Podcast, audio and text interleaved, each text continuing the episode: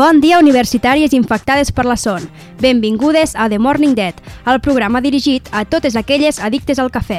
Ja som aquí una temporada més i això és sinònim de noves incorporacions. Així que abans de començar anem a presentar l'equipàs que ens acompanyarà aquests mesos. A la nau tenim dos tècniques, perquè no, no una, no, dos. La Joana Romeu i la Ona Jupé. Com ha anat, Hola, nenes? molt bon dia. Què tal, com estem? Molt bé, molt contentes de que estigueu aquí, malgrat que només serà un semestre.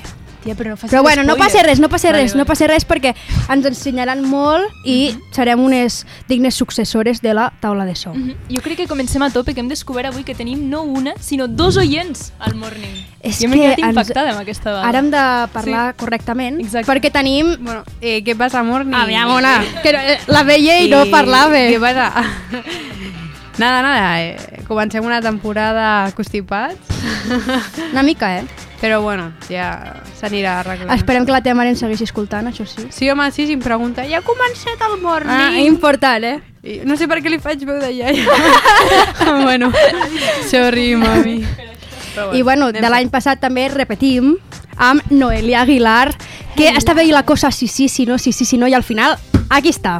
Així és, audiència. He decidit renovar contracte, renovar temporada amb el Morning, perquè és que és com la meva teràpia. O sigui, jo he de venir aquí.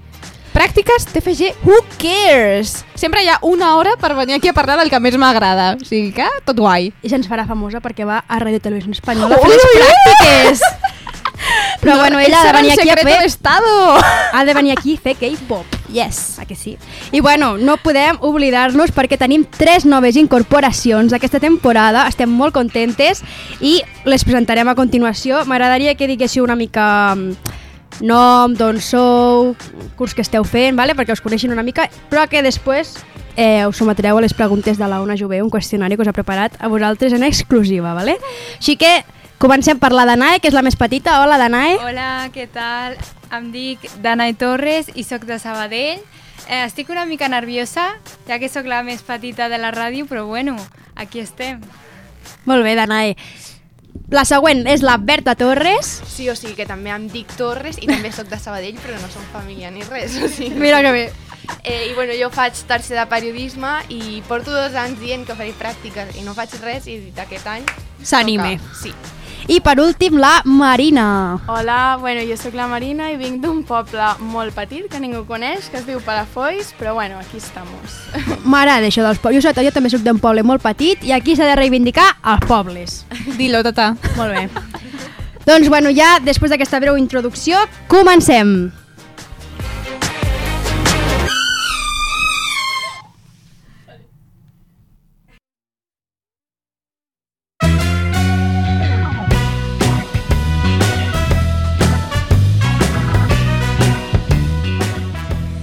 Doncs no podem començar la temporada 13 sense que comentem una mica aquest estiu tan mogudet, perquè imagineu-vos si han passat coses que fins i tot s'ha mort la reina Isabel II, que semblava que ens enterraria a tots. I evidentment, un esdeveniment així es mereix un monogràfic sencer, per tant, des d'aquí ja aviso que això és possible que passi en les setmanes vinents. Al Morning no podem no parlar d'aquest salseo royal, perquè si pensem que la família reial espanyola ja és prou surrealista, la britànica no es queda enrere. Hi ha un conjunt de drames i conflictes intens que la sèrie de Crown hauria de renovar 5 temporades més. Ara m'agradaria que m'expliquéssiu una mica com us ha anat a vosaltres l'estiu i sobretot si heu viatjat tant com el cos sense vida de la reina, perquè de veritat que això no és normal, o sigui aquesta dona ha vist més morta que jo viva. Així que, Noelia Aguilar, comencem per tu, aviam, on has anat de vacances? Jo he anat al meu poble, bueno, al meu poble. És que jo li dic ja al meu poble perquè porto anant des de petita, però mi pueblo de confianza, al Cosebre, 100% recomendado, ahí a la playa. Jo, és que sóc una persona de platja. Jo necessito anar a la platja perquè vinc de Mollet del Vallès, que no hi ha platja, llavors necessito anar. He estat una setmana i, bueno, després aquí a Mollet he estat pues, quedant amb amics, eh, surto a passejar amb la gosseta també, tot chill, una vida tranquil·la la mia. Molt bé. Dana, aviam, on has anat tu? Doncs mira, a mi em van fer una sorpresa pels meus 18 i vam anar a Estats Units. Joder. Sí, a la costa de Califòrnia i tal. Oh my god. I vam anar a San Francisco, a Los Angeles, però no em vaig trobar a cap famós. Vaya. Així que mm, Ai. una mica fail. I a la famosa eres tu, diguis que sí. Toma. Dilo, tata, Vaig dilo. estar, vaig estar al plató de Big Bang Theory i tot això, Que guai. que sóc una friki, a les hores em va encantar. Molt bé, i Berta, on tu n'has anat? Als Estats Units també? Eh, sí, clar, mira, jo jo he estat super original i aquest estiu he anat a Menorca, que no ha anat ningú aquest estiu. Eh, bueno, vaig anar a Menorca i ja està, això. També he estat a Salou, al típic Bueno. hotel de buffet libre. Molt bé. A descansar. Sí, sí, i això. A Menorca, és veritat, jo no he anat, eh? però eh, obres Instagram i tot el món està a Menorca. Ai, sí. Bueno, és que d'Instagram és un tema que parlarem a parte perquè sembla una vida això que jo ja no entenc res. Jo estic en mi casa con unas pintas i tot el mundo de vacaciones. Dic, sisplau, d'on treus els diners? Por favor. Bueno, i falta la Marina, que ens dirà on ha anat de vacances aquest estiu. Eh, bueno, jo no tinc el nivell de la Dana, eh, però jo he estat a Mallorca perquè Bueno. tinc dues amigues de la carrera que són d'allà i pues, nos han Has invitat. aprofitat, molt bé. Yes. I també a Palamós, així, de càmping. Així, Super. Sí. I la Ona i la Joana, aviam, tècniques, on heu anat? On van els de comunicació audiovisual? Bueno, pues, jo parlant de les pitiuses, jo he anat a Eivissa. Ui, Uau. que han anat a totes les illes, aquesta gent. Has vist? o què? Però jo, jo, jo tripito, en plan... I és, i és una, una, un lloc on vaig cada any i està superxuli. Les platges molt maques, us les recomano, però si us plau tractem bé les platges. Vinga. Molt bé. I la Joana, li quede? Jo m'he quedat impactada amb aquest speech. jo què dir-te una mica? Me van trucar a principis d'estiu per dir-me que m'operaven i encara estic de recuperació. Hòstia, Joana, Sí, sí, sí. que t'han operat? És que m'he fet un cul nou, ties. No, no, és conya, és conya. Anava ja a lo Kim Kardashian. No? No, no, em van treure un gra i, bueno, ha sigut llarg. Però m'ho he passat molt bé al sofà de casa i he mirat moltes de sèries, he de dir. Que ja Et van a dormir sencera o no? Perquè això del Sí, tema de les tia. operacions és, és important, perquè a mi també m'han operat molts cops, i que t'adormin sencera és una de les sensacions més rares. Tia, però m'ho vaig passar molt bé Vas somiar bé després. o malament? Vaig somiar bé i Ah. després anava com drogada, en plan, vaig fer una risa. Però jo un cop vaig somiar bé i l'altre cop vaig somiar com que mm, picaven les abelles, que jo odio les abelles, i em vaig despertar super nerviosa demanant suc de pinya, que no m'agrada el suc de pinya, i ma mare ho va gravar. Això un dia puc portar aquestes imatges al morri Tia, perquè són Necessitem una mica contingut material. delicadet. Tia, i tu què tal, estiu? Ho has dit? Bueno, no, però Ah, vale, tampoc hi ha molt a comentar. No. Treballant molt, Mhm. a la casa de la platja amb la família, i ja està, i poca cosa més. I Molt casa bé. rural amb els amics. Molt bé. Tranquilitos. Jo sol, solo fer vacances per Setmana Santa així més guais, però a l'estiu no tanto. Unes reines. Doncs molt bé, doncs continuem, perquè canviem de tema i passem de la història a la música. I és que aquests dos mesos també ens han deixat temazos que s'afegiran a la llista de cançons de l'estiu com Despacito, La bicicleta, Bailando o La gozadera. Així que anem a decidir per fi, perquè hi ha un debat aquí enorme, quina de les dues cançons més escoltades d'aquest estiu 2022 es, me es mereix entrar a la llista. Abans, però, anem a escoltar-les perquè jo no sé si us en recordareu, si no, ja si us han oblidat, així que anem a repassar-les.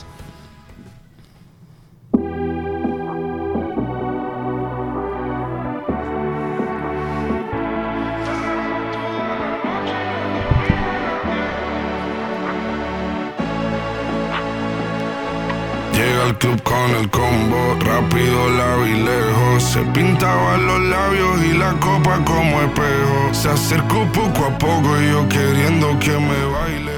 Bueno, això és Quevedo per Bizarrap, la sessió que ha sonat molt. Vull dir, ha sonat moltíssim. Jo hi arribava a un punt que dic, prou ja, sisplau, no puc més. Però aviam, la veritat és que és temazo i això no es pot discutir. I per ballar de festa, això és meravella. Y nos fuimos en una, empezamos a la una. Y con la nota rápido nos dieron las tres. Perramos toda la noche y nos dormimos a las Yeah, yeah, yeah, yeah. Mm, baby, no me llames que yo estoy ocupada, olvidando tus males. Yo decidí que esta noche se sale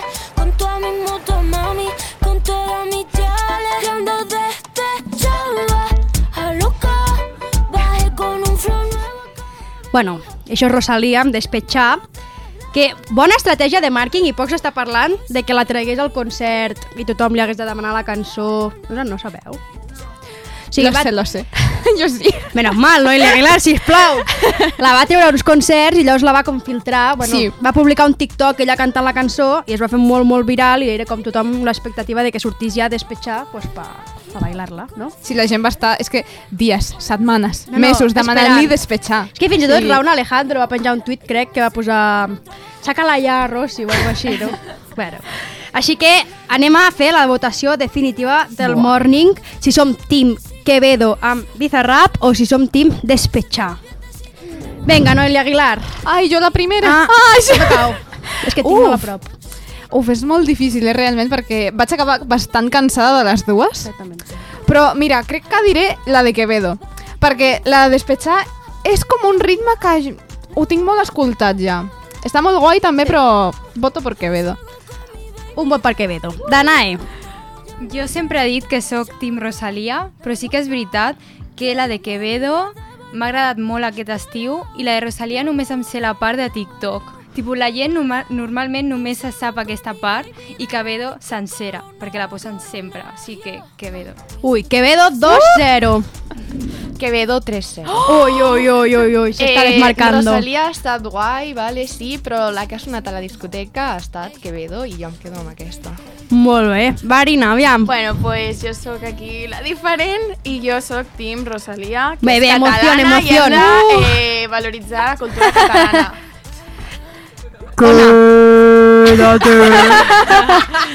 O sea, hola. I el subidon que et donava cada cop... Quédate. en plan, saps? A més, jo he arribat a identificar si era el primer quédate o el, El segon. segon quédate, que és en plan... Eh. Que després ja ve el... Po, po, po, que van per arriba. Joan, aviam, tu què opines? Tanquem amb Quevedo? Jo me quedo con mi Rossi. O Ui, Rosalia, oye, dos, dos. Que la cançó de Quevedo me'n vaig enterar com super tard que existia. En plan, un dia les meves amigues sentint-ho a tope i jo, ties, què feu? En plan, de què va això? Jo Rossi, la Rossi me la quedo. Em fa gràcia perquè una, una entrevista que va anar a Quevedo a la Resistència va dir que ell s'havia plantejat treure la part de Quédate i que el Bizarrap li va dir no, hombre, no, que és la mejor Amigo. parte, saps el que vull dir? Però bueno, talento. I jo, doncs, és que és una mica el que diu la Danae. Jo crec que la cançó de Rosalia la primera part de la cançó tothom se la sap, però després la, la resta de la cançó jo quan la vaig escoltar se'm va quedar així com una mica plof, la veritat, i en canvi Quevedo en Bizarrap és tota la cançó de principi a final un temazo, per tant, deixem com a guanyadora Quevedo en Bizarrap. I el, que no té, no té títol la cançó com a tal. O sigui, és sessió Sí, és la ja sessió està, no? 50... i- Bueno, no sé quina sessió és, però... 52, sessió. no, crec? 52 o 53. Sí. Però clar, li podien ficar o Quédate La veritat que sí. o No Quédate. fuimos a la una. O que la noche... Ara, no, el títol hauria d'haver estat la una. La perquè una. hem de fer un counter de quants cops diu una. O sigui, Real. perquè hi ha bastants cops que... Cada cop que diu. Sí.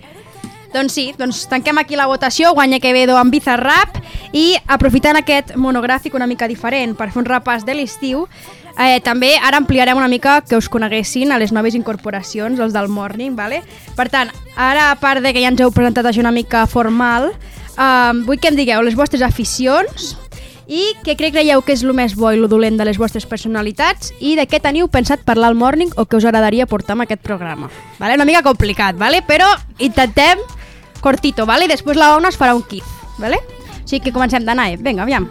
Eh, ja ho he dit abans que sóc una friki, sobretot de les sèries, de les pel·lícules i del pop anglès. Soc fan de Ariana Grande, soc Swiftie, soc Directioner i per tant m'encantaria parlar d'això i res més. O sigui, la meva personalitat em considero bastant extrovertida i també sóc una mica tímida al principi, però jo crec que després tot bé.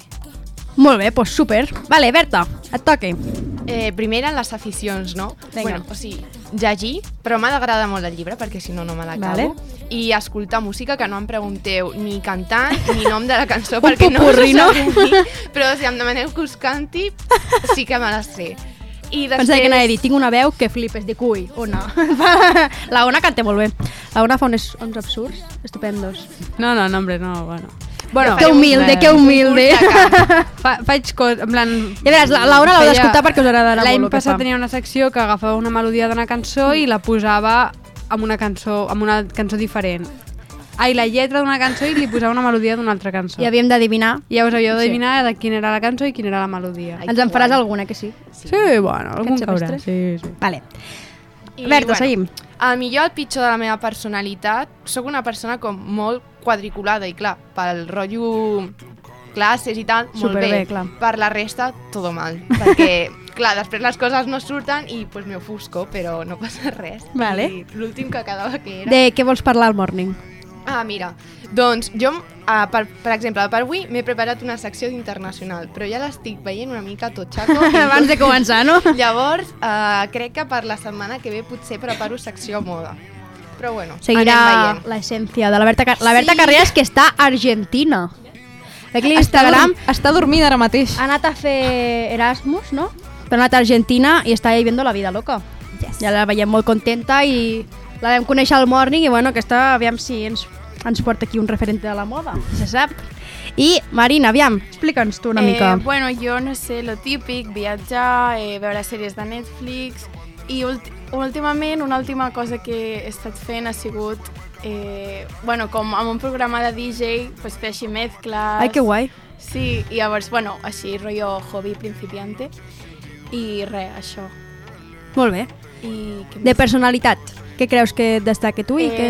Jo crec que sóc bastant happy flower Sí? En plan, m'agrada portar alegria i després així dolent, eh, que m'estresso molt, molt, molt ràpidament. Sí? Sí, i al The Morning pues, m'agradaria portar coses diferents, més així eh, jocs, perquè a mi m'encanta jugar. I... Més dinàmic, no? Sí, dinàmic. Molt bé, superguai. O sigui, tenim tres perfils diferents, però que són molt del morning, els tres. Ens agrada això, ens agrada. I ara la Ona, que també li agrada molt, ens farà... Us sometrà a una mini entrevista cada una amb preguntetes de tipo playa o muntanya, segons el que he llegit jo, A o B, no? Clar, ja, ja les heu llegit. Bueno, No, jo... a veure, jo quan vaig entrar al Morning, em, vaig, la meva primera secció va ser el Gran Debat, que era una secció on jo exposava una pregunta de, mm, jo què sé, la cafeteria de la Cívica o la cafeteria d'aquí. Llavors era com que es generava un debat, no? O jo què sé, o algo més banal, pues, tanga o, O Braga. o Braga, saps? Llavors era en plan, jaja, parlàvem, no sé què. Guai. Llavors, bueno, ara fent un revival això, pues, us he portat una mica preguntilles de l'estil. I debatimos, no? De bet, va, sí, o, Si surge. o directament si dieu algo que no és, pues, Pues, eh, pues, Pues malament. us mutegem i ja està, saps? solen fer això, eh? Ah, Mutejar. Bona noche.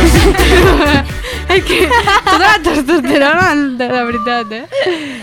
Ai, bueno, vale, Dale, va. Olita. ¡Hombre! Aquesta era la melodia que, que em posaven. Vale, va, rapidito. Venga. Que se nos está yendo el tiempo. A ver, eh, Colacao Nesquik. Colacao. Colacao Los turbo grumitos. siempre. Cola, Mm. Vale, de locos. ¿Nutella o nocilla? Nutella. Ah, home, vosaltres... Vosotras no opináis. en plan, no sé, o No, no, què? ja està bé, ja està bé. Sí? Les noves, que les coneixem. Si realment us agrada molt la nocilla, podeu manifestar-vos i marxeu ja del món. És que jo no puc amb els grumos. A mi m'agrada Colacao, més em sap greu. Ah, ah. Ah, vale. És que crec que una d'elles encara no havia respost, Olita. ja. He dit que una cosa no s'obria el debat, però... Es que se la ha comido tanto el colacao. No le ha dado tiempo a la Ha fet Berta. tan efervescencia. Vale, perdó, Berta, digues, digues. Sí, sí. Eh, yo grumitos. O sea, colacao y la leche fría, poder ser. Òbviament. Això, està, això també. Sí, sí. Vale. Ja està? Vale. Següent. Nutella o nocilla? Nutella. Eh, nocilla per l'entrepà i Nutella pel crep. Què? Ah. Ada. Què? 100% sempre. Sigui, normal. A veure, nocilla, si és el duo este, lo compro. Ah, el duo, si és el duo, si no, Nutella. Un moment, és que que asco. Que la xocolata blanca no és xocolata. A mi tampoc m'agrada. A veure, a veure, a veure, menys amb el xocolata blanc, o sigui, està boníssim. És... És el millor xucu... Dilo, tata. No. Sí, sí. Si a mi No. m'és Eh, igual no que... és No, xocolata. no, no, m'és igual que sigui pura grassa. M'és igual, està boníssim. Ya, moreo. Do...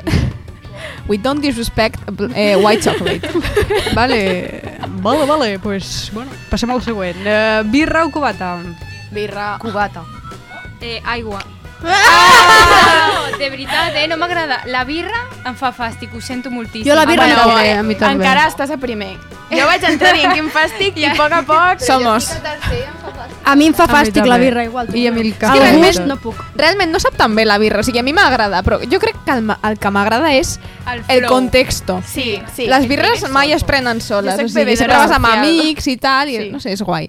Però viva l'agua, sí, sí. Sí, sí. I el cacaolat. Oh, vale. També. Jo, soc, jo soc gin tònic, eh? Ai, que classe. Gin tònic. Tiene òbviament. Bueno, jo ginebra Amb rosa en Porto amb de Índies, amb Porto d'Índies amb Fanta taronja, jo. De taronja, Guanya, de no puc Quan amb el fas un de botelló no t'emportes el gin De tònic. llimona, de la Fanta. De llimona. Una Ha dit taronja, pues no, pues llimona. A mi és que la Fanta no m'agrada. Fanta llimona amb Porto A mi la. Coca-Cola no m'ha agradat. A mi tampoc. Eh, Bueno, a ver, chica, 40. que se nos estamos desvariando. Siguiente. Siguiente, a ver. Rosalía o Zetangana. Ojo, eh. Uf. Rosalía. Yo lo tengo muy claro. Rosalia antiga, té tan gana. O sigui, la Rosalia antiga, la d'ara no. Ho El ma- el mal molt, querer. Amb el mal querer. I després Vale. vale. té tan gana. Hòstia, pues jo al Vale. revés, eh? Sí? Jo, C tan gana d'abans i Rosalia d'ara. Ah, no, no. No, no. Bueno, va molt bé, vale, però... Jo, jo Rosalia, en plan... Jo Zetangana. És que Zetangana no puc, ho sento. Me encanta. A veure, Berta, tu què? Sí, té tan Té tan gana abans. també? Sí, sí. Dilo. Ah. Molt bé. Vale, UAB o UPF? Eh, a veure. És que això ho he posat perquè a les de comunicació érem com que volíem anar a la... Primer a l'ESCAC, després a la UPF No som rics. i després a la UAB. UAB primera opció, Joana? Jo també, eh? Same. O no, no sé què fas aquí. Pues, I jo vaig ser la nota de tall. I jo vaig ser la Uf. nota de tall, o sea... Bueno, o sigui, ningú té aquest problema. Bueno, no haguessis vingut al morning. Ja, és veritat. Penso que... Vale, hagués vingut a Todo l'afternoon. pasa. ok, vale, pues... És igual, lo- lo- l'obviamos. Diplodocus o Triceratops? Què és això? Que... Com que és això? Cultura? No he anat al Cosmocaixa? Quina és la diferència entre un i l'altre? Sí, Diplodocus és el del, ca... del coll alt, Ah, el moníssimo, sí. el que se come las plantites de los eucaliptos, i el Triceratops és el que té com una corona. Jo- amb, eh, El de la corona Jo el sempre. T-Rex amb les Ah, no, potetes no. així com... Que Eh. és paticorto. Ja, també. Ai, són moníssims els dos. No, no es pot triar. No es pot. Com No no se de pot. les galletes dinosaures. Ai, sí. Claro, que el dinosaurus. No, no, són A molt mi cookies m'agrada els més el dos. diplodocus. Són molt monos. No. També. I bueno, i l'última, eh, a la llitera que aneu a baix o arribes? és broma. Això m'ho pataran. és broma, ja Eh, està. jo a dalt, però Ja, perquè- canviem de secció. Jo a dalt, però perquè tinc claustrofòbia i em fa com por que se'm caigui el de sobre. O sigui, Uh. si estic a baix, tengo miedo. I no és pitjor caure tu? Bueno, però... Bueno, no. No. Mira, Home, si jo- caus tu no et cau ningú. Clar, és Eso que te ahorras. Morir aplastada, pues no. Jo prefereixo a sota perquè sóc la típica persona que s'aixeca per pixar com tres cops i molestaria el de sota. Per tant, sempre... Empàtica, Sí, empàtica. molt empàtica. Me has robado la respuesta. Ok, bueno. Molt bé, Ona. Pues moltes gràcies. Oye, molt bé, molt bé. Ja, bueno, està bastant bé el nivell de respostes, o què? Sí, no? Sí? Doncs bueno, passem a la següent secció del programa. Tanquem.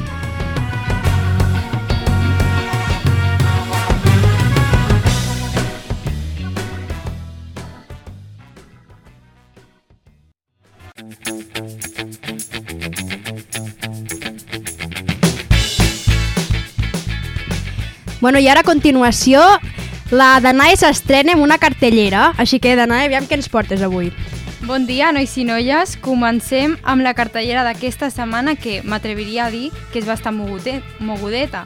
Primer tenim a la gran Rihanna, que ha pujat una foto on sembla que ha anunciat la seva participació a la Super Bowl. Tota una sorpresa, ja que estava desapareguda de la música i per més que els seus fans li demanessin, mai donava resposta. També fa 4 dies que Blackpink ha llançat el seu àlbum Born Pink, amb 8 cançons. Al ser totes en títol anglès, es pensava que seria més de caire internacional, però, com es veu en Pink Venom, una de les cançons hi ha sons molt tradicionals coreans. Mireu, l'escoltem.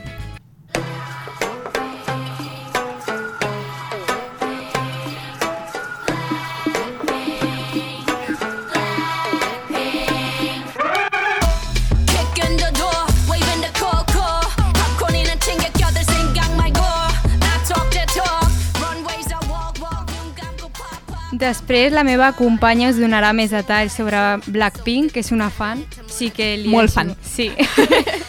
eh, venint una mica al terreny del pop espanyol, l'Aitana ha tret la seva cançó titulada Otra vez i una altra triomfita, l'Alba Recha, ha llençat Como si nada importara, una cançó molt sentimental amb la col·laboració de Daniel Sabater. I aquí ve una pinzellada de les cançons de les dues.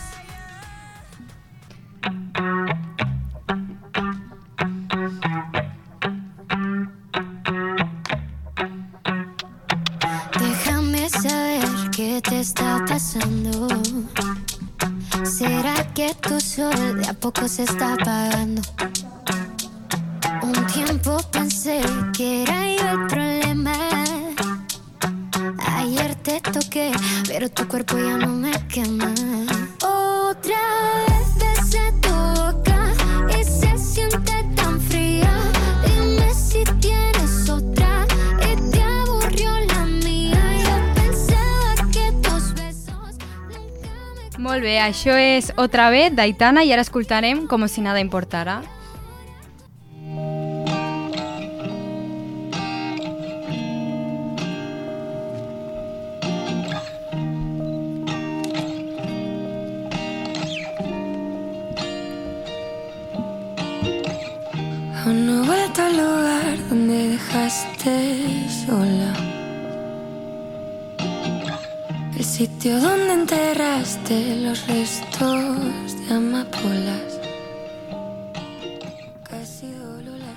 També cal dir que Lil Nas, Rau, Khalid i molts més també han vist ideal aquesta setmana per treure projectes.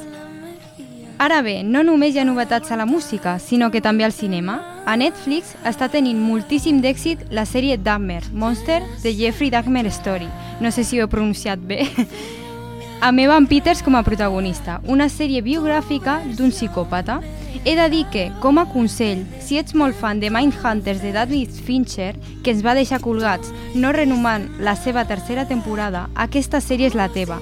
Recomanadíssima en aquest cas, i si no, també. De Netflix passem a Disney Plus, on Andor és la novetat. Una sèrie que en teoria parla de la vida d'un dels protagonistes del film, Rogue One, una història de Star Wars. Perdó, és que sempre s'ha de posar, si parlem de Star Wars, la cançó de Star Wars.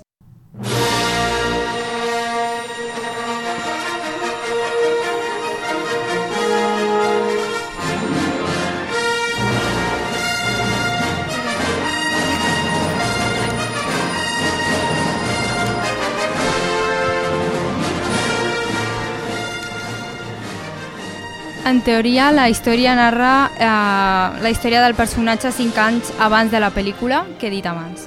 Eh, tornant a Netflix, el 23 de setembre, Netflix a Espanya va treure Les de la última fila, una sèrie d'amistat i drama on una de les amigues la diagnostiquen de càncer i fan un viatge espacial. El públic diu que està molt bé i és curteta, en total 6 episodis i a mena de veure.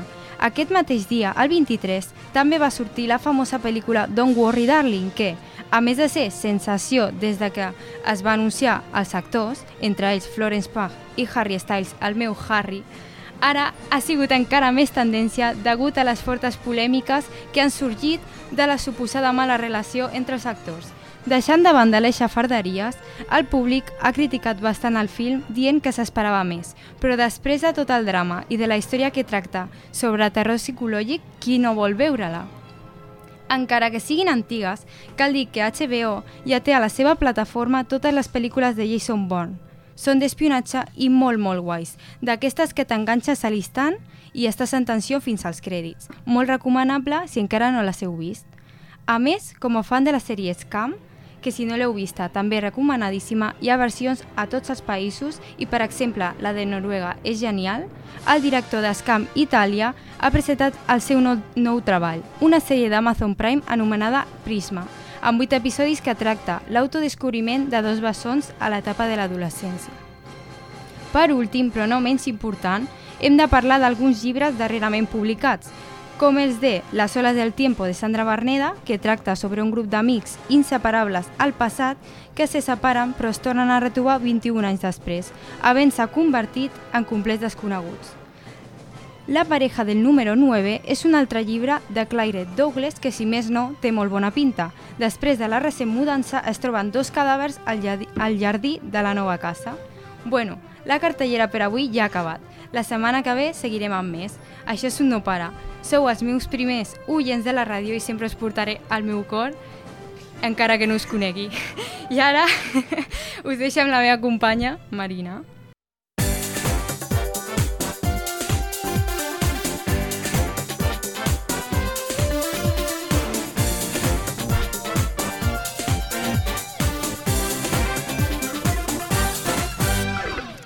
Bon dia, avui venim a jugar. Avui començarem en un, amb una nova secció anomenada No t'equivoquis. Serà així com el passaparaula, però cada participant tindrà uns segons per dir la resposta correcta o si no perdrà punts. En cas de no saber la paraula pot dir baldufa i així es passarà el torn. Anirem en el sentit de les agulles i les respostes han de començar amb la lletra que jo digui. Are you ready? Va, Berta, comencem amb tu. Amb la A, nom del teu menjar preferit. Em surt en castellà, pot ser en castellà? Vale. Va, albòndigues. Ok, vale. Bueníssimes, bueníssimes. Dana, anem amb tu. Amb la B, insult en català. Ai, Amb la B. amb la B. Mm, eh, baldufa, sí. Ok, pues, eh, Noelia, tu, amb la B. Eh, em sona borinot, pot ser? Molt bona, sí! Ala! Pensava que algú Que diria difícil. burro i jo volia que algú digués borinot. Ah, jo anava a dir breto. Ah, burro, clar. Breto. També. Ok, També. Pues Noelia, amb la C, quan t'agrada algú és el teu... Crash. Yes. Toma. Vale, Ona, amb la D, lloc on passar les vacances. Ui. Pensava que anava a dir Ibiza. No és... Amb la D. Amb la D... mm, Dènia? És una és una ciutat. Amb la, és, Ok. és un lloc o... O sigui, on, on tu vulguis. hi ha una que és correcta o... No, aquesta és més oberta, en plan, pots Ah, dir el que vale. vulguis. Pues Daenerys Targaryen. Això, això és un lloc? el que vulgui! Però un lloc! Ah, vale. Eh, això, pues... Eh, eh, Dublín. No me'n record, Dublín. Vale, ok. Vale. Eh, Joana, amb la E, acció que fas quan surts de festa. Emborratxar-te. Ok. Punto. No ho feu. Eh, vale, Berta, objecte que... amb la F, perdó. Objecte que pots trobar a la cuina. Fogó. Ok. Vale, Danae, cada any a la, fa la Facultat de Comunicació celebra la M dels Oscars. La gala, no? Ok, very Yes. good. Ai, perfecte. Noelia, amb la H, salutació en anglès. Hello. Oh my. Idiomes que Vale. vale, Noelia, amb la I, animal rèptil. Iguana. Ok, vale. vale, Ona, amb la J, peça de roba. Jersey. Jer- Jersey. Jersey. That's an island. Uh, it's um, Caracas. Vale. Eh, Joana, amb la K, una fruita. Erkiwi. Vale. Erkiwi. Eh, Berta, amb la L, un color. Lila. Vale. Danae, amb la M, nom d'un famós o famosa. Eh, Marilyn Monroe. Oh, good. Vale, ok. Noelia, amb la N, acció que fem a l'aigua. Nedar. Vale. Swim, swam, swam. Nedar. La llista de vers, Dios mío. La llista d'irregulars. La tinc Socorro. gravada aquí. És un trauma. Vale, ok. Següent, amb la O, òrgan organitzador de festes de la facultat. Amb la O. Sí. Fàcil, Ah, Oca, no? Es diu? Algo així? La OCA, vale. Quac, quac. Vale, Ona, amb la P, alguna cosa que es pugui fer a la universitat. Pelles. Vale. Joana, amb la Q, marca de roba esportiva. El Quicksilver, o no? Ah, Va amb sí? la Q? Sí. Jo pensava que, jo pensava que diria quechua. Jo he pensat la mateixa, també. Dic, quechua. Vam tindre un passat pissat, sí. ties. Vale, Berta, amb la R, grau que s'imparteix a l'autònoma. Uh, relacions internacionals. Sí, molt bé. Sí. Vale, Danae, amb la S, ball i tradició popular catalana. Sardana. Yes. Ok, amb la T, Noelia, sinònim de borratxera. Taja. Ok, taja, turca... I en anglès? Trifàsica. Ah, drunk as fuck. Vale. Eh, Noelia, amb la U, part del cos. Amb la U. Ull. Vale. Jo, ore, orella. Jo pensava que diria un altre. Dic. A veure si dirà... Bueno. Eh, Ona. Uretra. Sí. Toma, ojo. Vale, Ona, amb la B baixa, capital d'Àustria. Viena. Yes. Sort de, del restaurant. Un restaurant boníssim, eh? Geografia. Vale, eh, Joana, amb la W, esport aquàtic. El waterpolo. Ah, vale. No? Jo havia pensat windsurf. Ándale. Bona, jo sempre bona, penso en el bona. waterpolo. Vale, vale. Vale, eh, Berta, amb la X, instrument de música. Eh, xilòfon. Yes. Vale. Eh, Danae, penúltima, amb la Y tenim el pernil salat i el pernil... Eh, dolç. Eh, jamón york, no? York. York, vale. vale. I per últim, amb la Z, marca de roba molt famosa. Amb la Z? Sí. Zero. Zero. Volia que ho diguessis així.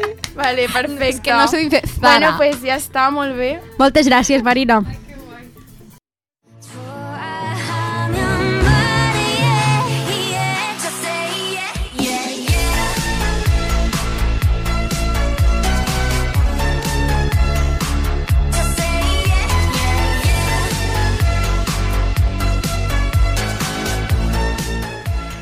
Bueno, i ara toque la secció estrella del programa, la Noelia Aguilar amb el seu K-pop. Què tal, Noelia? Anyaseo, Noelia. doncs bé, jo estic, o sigui, amb moltes ganes perquè aquest estiu han passat cosetes al món del K-pop i és que no puc esperar, no puc esperar per contar-vos tot el que ha passat. Please. Pues vinga, pa'lante. Time to start. Eh, desitjo, bueno, abans de començar, que un any més gaudiu d'aquest meravellós programa i de totes les seves seccions. És el meu darrer any per aquests estudis, però bueno, l'aprofitaré al màxim per informar sobre el que més m'agrada i continuaré fent difusió sobre el meravellós món del K-pop. Anant al que us porto avui, recordeu les que estàveu l'any passat, el grup de noies que va fer un documental a Netflix on surto 3 segons M'acordo. així és. Les noies de Blackpink, quan pugui faig story time. doncs, bueno, tinc bones notícies sobre elles perquè és que per fi han tornat als escenaris.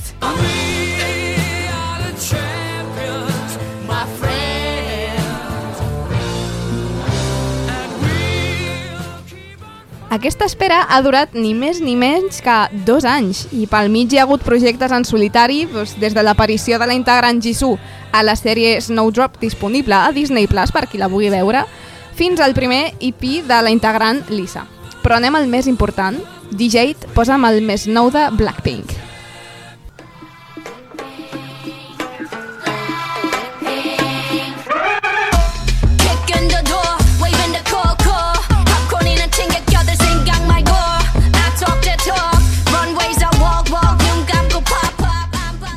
El nom de l'obra d'art que porta sacsejant el món des de l'agost, que ja l'hem escoltat a la cartellera, és Pink Venom, Veneno Rosa, Matzina Rosa, per les que veuen a la selectivitat del 2001, i en francès, a veure, Poisson Rose. Poisson o pois... com es diu? És que crec que Poisson era peix. Després ho miro. Total, forma part del segon àlbum d'estudi del grup, Born Pink, Nacides Roses. Fixeu-vos en l'impacte perquè han tornat a fer història amb la seva música després de debutar en el número 1 de la llista Top 2000 de Billboard. Resulta que són les primeres artistes femenines de K-pop en encapçalar aquest rànquing. Han dividit aquesta nova era en diverses parts, perquè, ojo, primer van llançar Pink Venom a finals del mes d'agost i ara, a mig setembre, van publicar el segon single de l'àlbum, que es diu Shutdown, conjuntament amb la resta de cançons del projecte Escoltem una mica de Cerrades, a que Shutdown. When you hear my Lamborghini go vroom, vroom, vroom, vroom. When we pull up, you know it's a shutdown. 간판 내리고 문 잠가 shutdown. Whip it, whip it, whip it, whip it. Whip it, whip it, whip it, whip it. It's black and it's pink once the sundown. Del seu videoclip he de comentar cosetes també, ja que, ojo, perquè hi ha fans teoritzant sobre la possible dissolució del grup en 2023 degut a les referències del vídeo. Hòstia, no pot ser això, Noelia, por favor, què Estoy dices? paniqueando de una forma. La cosa és que hi ha molts elements decoratius al vídeo on es veuen, per exemple, doncs, cançons que les noies han tret durant la seva carrera, també recreen escenes d'alguns videoclips més antics, etc, etc. No sé, és una vibra que... Aquí hi ha Directioners, aquí hi ha Directioners. Obvio. El vídeo de History, que tenia Sí, tantes hola. referències al Sí, passat, Sí. Sí. Eso significó último Sí, vídeo, despedida, per tant, jo és que tinc aquest trauma de One Direction i ja quan veig una cosa similar penso que aquest grup es separa o l'artista deixa de cantar. No, Eh. no, traumitas, traumitas. Traumites, traumites. La cosa està també... Eh, bueno, les Blackpink sí que finalitzen el seu contracte el proper agost de 2023. Llavors, la comunitat Blink especula dient que el recent projecte, Born Pink, podria ser el darrer que escoltem de les noies de Blackpink com a grup. Confiem que no sigui així, si plau.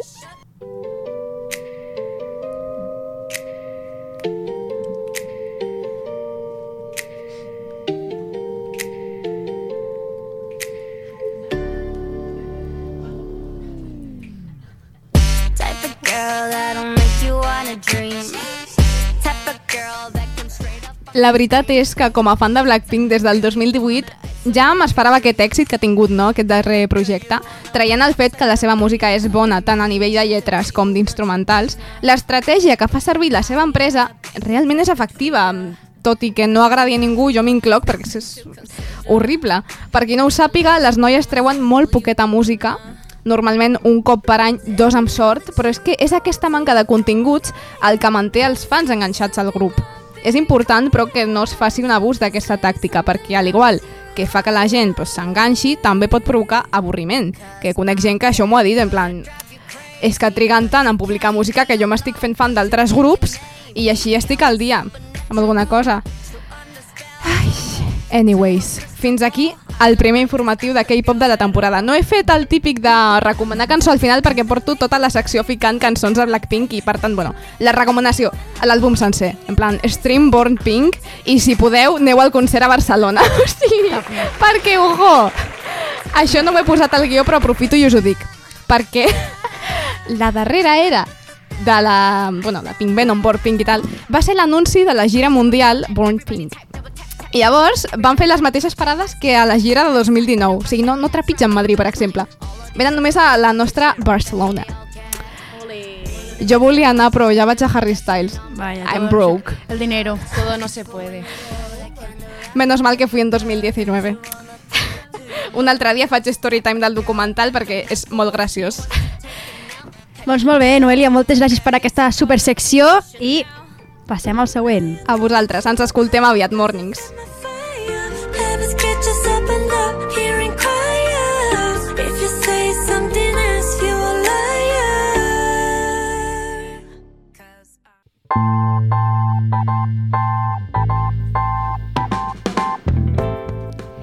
I ara continuem amb el programa amb la Berta Torres, que ens porta una secció internacional, perquè aquí som molt internacionals, hombre, clar que sí. Pues sí, mira, aquesta setmana a nivell internacional podríem parlar d'una infinitat de temes, bueno, com cada setmana, perquè al món, mira, passen coses. Uh, podríem repetir les que surten una i altra vegada de les al telenotícies. Per exemple, la situació a Rússia, on Putin ha ordenat el reclutament forçós de milers d'homes per a que s'incorporin a l'exèrcit desplegat, com ja sabeu, a Ucraïna. Podríem parlar també de les eleccions a Itàlia, on la formació d'ultradreta Germans d'Itàlia, liderada per Giorgia Meloni, ha estat el partit més votat. O podríem parlar doncs, de les protestes a Iran per la sospitosa mort d'una jove que va ser detinguda per no portar, portar ben posat el vel. No obstant, avui, en aquest primer informatiu internacional, vull que viatgem a Cuba, on s'ha celebrat un referèndum històric. Històric perquè ha portat a la legalització del matrimoni entre persones del mateix sexe.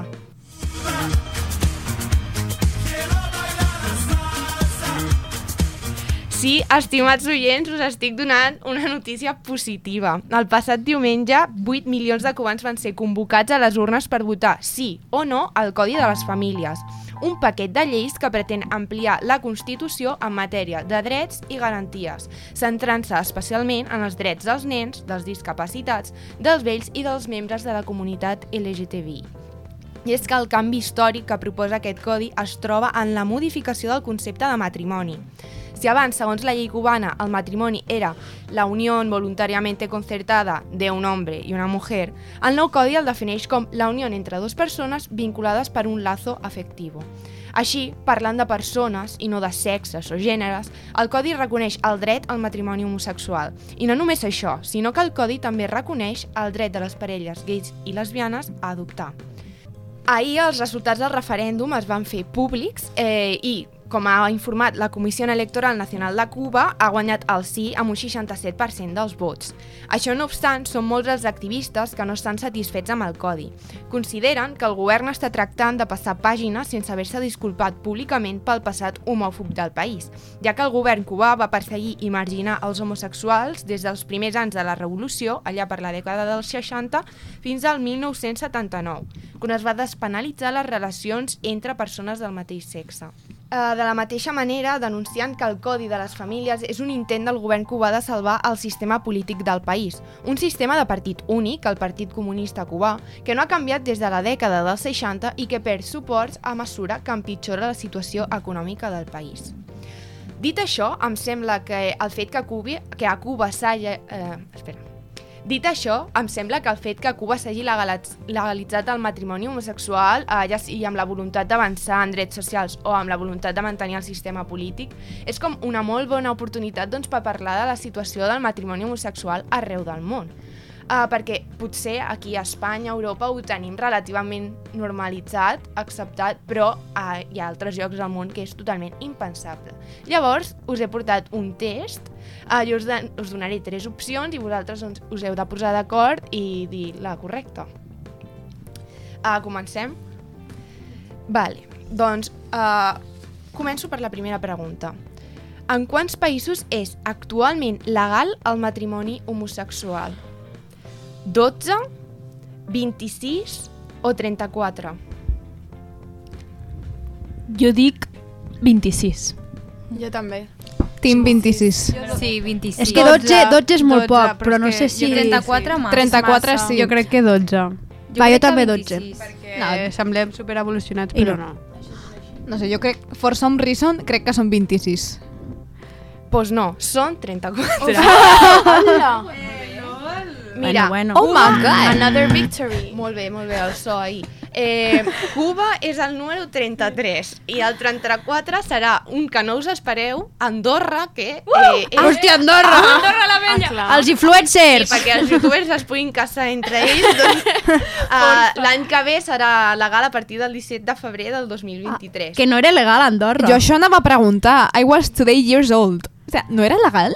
País evolucionat. Jo que suposo que, Que Andorra no és era il·legal, fatxa. però tampoc legal. O sigui, Hòstia, que No xasco, bé que xasco Andorra. No, no, Andorra estan bastant malament, o sigui, tampoc Sí. s'hi pot avortar, en plan, són bastante fachos Ui, retrógrados. Ui, horroroso. Que L'únic miedo. que Ja té és no que és vaig. barato, perquè otra cosa... I pistes d'esquí. Pistes d'esquí. Ui, no, que a mi se'm dona molt malament. I bueno, tenint en compte que al món, depèn de com ho contem, hi ha entre 197 i 206, 206 països, que només a 34 sigui legal, pues sospechoso. Eh, vale, continuem. Quin va ser el primer país del món en reconèixer i legalitzar el matrimoni homosexual? Països Baixos, Bèlgica o Canadà? A, a mi em sona que Bèlgica. Jo crec que Països Baixos. Jo també. No sé. Ui, no estic, Sí. re, no estic res segura, eh? Canadà jo crec que no. No, Ja. jo tampoc. No em No sona. sé. Jo crec que Països Pues jo Baixos. us diria. Canadà, no sé per què. Vinga, una, instinto. Diré Bèlgica, va. Bueno, l'opció al final que heu escollit, quina és? Ah. Bèlgica o Països Baixos? Bueno, si no dic la Ah, clar, ens hem de resposta. posar d'acord. Hombre, claro. Mm. És que els dos països són molt progres. Bueno, ho dic jo, Països Baixos, l'any 2001. Ole! Ja dic, Bèlgica ha perdut. Ui. Ah, Bèlgica va ser el segon i Canadà el tercer. Oh. I ja el quart va ser Espanya. Ole! Ojo! Ole! Que això, això és una pista ja per la següent pregunta, que és quin any es va legalitzar a Espanya el matrimoni homosexual? Tenim candidatos 2003, 2005 o 2009. Eh, has fet vostres apuestes. Pues Em sona 2005, 2005, no? 2005. Sí, Va, 4 anys 2005. després i el 2001 van treure Països Baixos, no? 2005 pot Sí, ser. em sona 2005. Vinga. Efectivament és el 2005. Ole! He posat 2009 Esas per, aliar i no ha caigut ningú. Eh, sí, va ser durant la legislatura de Zapatero, així com dato, per, per que us sapigueu. Eh, vale, ara ja ve la part així... Eh, que dan ganes de llorar. A quants Sí. països d'Àfrica i Àsia és actualment legal el matrimoni homosexual? Dos. Dos. Jo voto dos, Però també, que els eh? oients no saben les opcions. dos, vuit o onze. Dos. Dos, segur. Dos.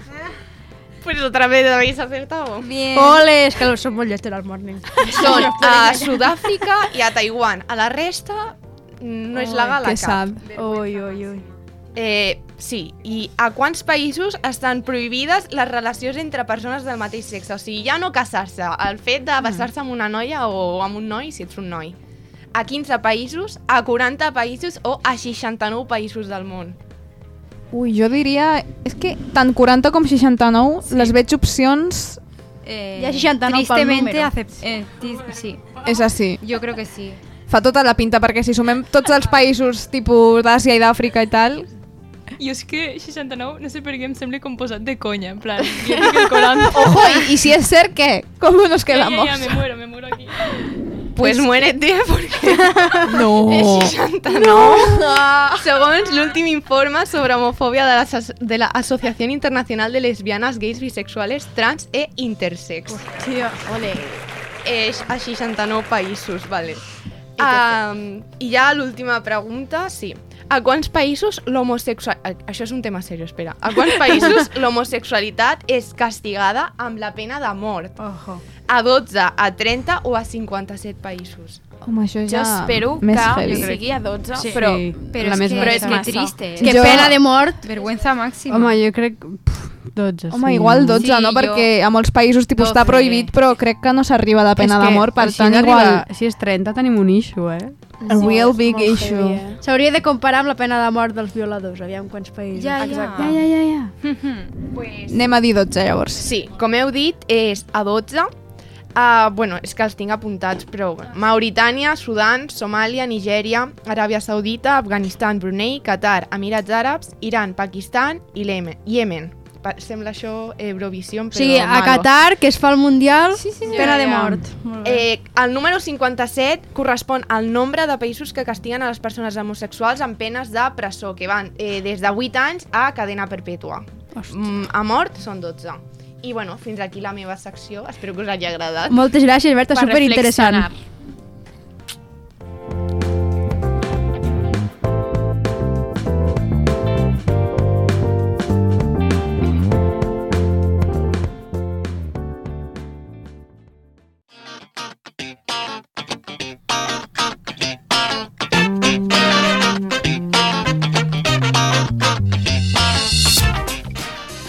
Ja per acabar el programa, la última secció, hem deixat lo millor pel final i és que la Joana Romeu avui ha portat una secció. Yeah! No sé, no tinc idea de què va, Joana, ens ho expliques. Jo he de dir que me'n vaig oblidar una mica que havia de fer secció i ahir la nit me vaig posar com... Ah, anem a escriure. Però realment és una secció que fa temps com a que hi penso de fer-la i és amb una cosa que m'hi fixo molt, que no sé si us passa, que jo que sé, mireu tres pel·lícules en un període de temps com prou curt, jo que sé, un mes, i trobes com una relació entre les tres pel·lícules, tot i que siguin de directors o directores i de temàtiques molt diferents. I és algo com que m'agrada molt això, trobar paral·lelismes entre pel·lícules que aparentment pues, semblen molt diferents o són d'anys diferents o venen de llocs molt diferents. Llavors aquesta serà una mica pues, la secció que també si puc portaré com una mica recurrentment. Vale. I el tema d'aquesta setmana és eh, una mica la, la bellesa, la tercera edat i com tres pel·lícules diferents la retraten des d'una postura de protagonista. Cosa que normalment no es fa i és algo que vam llegir, crec, un article quan fèiem, no sé si primer o segon de carrera, amb una assignatura random que he oblidat, perquè primer i segon de carrera s'oblida sempre i no passa res, em, que era un article que anava sobre la poca importància o les poques produccions audiovisuals que representen mm, personatges com són pues, persones adultes o de la tercera edat com a personatges protagonistes i amb una trama prou important a dins de, de la producció. I doncs a partir d'aquí volia com posar en relleu tres pel·lícules que això, que com he dit abans, em, el tema central o els protagonistes són doncs, persones grans. La primera és una que es diu La joventut, que és del 2015 i el director és Paolo Sorrentino, que és un home italià que a mi m'agrada bastant, o sigui, com a director, i que fa pues, pel·lícules amb temes bastant interessants. I bueno, és això, no sé si us sonaran actrius i actors que són, que són pues, com de l'Star System de fa anys de, de Hollywood i tal, que són el Michael Caine, el Herbie Keitel i la Jane Fonda, que van ser pues, superestrelles en su època i ara ja estan grans i també és molt interessant com surten aquí ja des de una perspectiva més gran després d'haver com acabat ja una mica la seva carrera. I aquesta primera reflexiona sobre la vida des de la bellesa em, amb la trama de dos amics que es retroben, que tenen ja prop de 80 anys, en un hotel al mig dels Alps, que a més a més és xulíssim el lloc, en plan que és com una piscina, veus los Alpes de fons, en plan te poses allà, és molt xulo. I un dels dos, o sigui, els dos han treballat sempre al món de, diguéssim, una mica l'espectacle, un és director de cine, crec, i l'altre ara no recordo, però això, un s'està a punt de jubilar i l'altre també ja són com els últims anys. I com totes les converses que tenen sobre la seva vida professional, la família i tal, pues te fa com reflexionar i veure com la vida des de diversos punts, i està guai. L'altra pel·li és una que es diu Lucky, que és del 2017 i el director és el John Carroll Lynch. I aquí el protagonista és un home que es diu Harry Dean Santo, que a més a més aquest actor no sé si ja s'ha mort, però estava molt viejo la pel·lícula, o sigui, moltíssim. I ho dic en, en plan amb respecte. Però el retrate, o sigui, el protagonista és un home solitari de 90 anys i realment l'actor ho fa molt bé perquè és que realment sembla un home solitari de 90 anys, perquè és una persona molt, molt, molt gran. I es veu com els seus últims dies de vida vivint a la seva bola, però veient la imminència del final i com nota els estralls de, de tots aquests anys al seu cos i al seu dia a dia. I pues, veu també com paral·lelismes que el porten a la mort i tal, però té una vida així com molt chill. La típica, que jo ho dic, en plan, que quan ets viejo te pots permetre tot, en plan, que te la sude, pots entrar al súper amb braga si fa falta i cridar a la gent, saps? en plan, és com aquest punt que, que m'encanta, és com passes de tot perquè saps que d'aquí poc Que ara ja t'és igual. ja no te quedarà res, però no sé, en aquest punt que m'agrada molt. I la última és una del David Lynch, del 1999, que es diu Una història verdadera, que aquesta és xulíssima, en plan, i és com molt loca, o sigui, molt loca, en plan, que fa gràcia, que mm, tracta des d'una reconciliació de dos germans quan estan ja també trobant-se a punt de la mort. O sigui que tota la vida han estat enfadats, ja no saben ni per què, no saben quin va ser el punt de conflicte que els va fer estar enfadats, però quan ja se troben al final diuen, hòstia, doncs no val la pena, tio, anem a ser saps? marxem a l'altre barri contents i, i siguen pues, uns germans. I mm, la història és que un dels dos, o sigui, viuen com a estats molt separats, va ser als Estats Units. I un dels dos ja li han retirat el carnet de conduir, no té pasta per llogar-se en plan un cotxe, tampoc pot anar amb tren perquè no hi ha connexions, no sé què, i se puja amb un, com se diu allò, per segar la gespa, sabeu? Com un tractoret Ah, sí, així petit, sí. saps? I se recorren no sé qu- quants estats, no sé quants quilòmetres amb allò, saps? I és com tot Amèrica pendent d'aquest home, en plan que va passant per les carreteres, tothom el saluda, en plan, tio, què fas? Estàs loco? No sé què. I llavors arriba al final a la casa del seu germà i es veu com la il·lusió del seu germà tot i que no, no la mostra molt pel simple fet de veure com el seu germà ha arribat a l'altra punta d'Amèrica amb un puto tractoret, saps que anava a dos per hora. I, I això. I aquestes són les tres pel·lícules que recomano si voleu com veure aquesta temàtica o reflexions sobre el tema. Que guai, Joana. T'ha agradat molt. Moltes gràcies. A vosaltres, reines.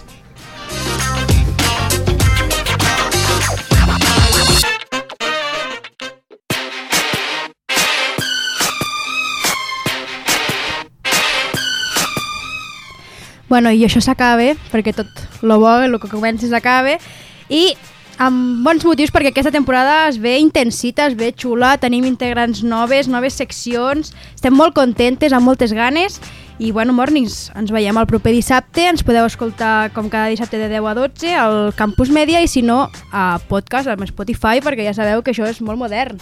I ara vas al tren, vas a tot i escoltant The Morning Dead sempre.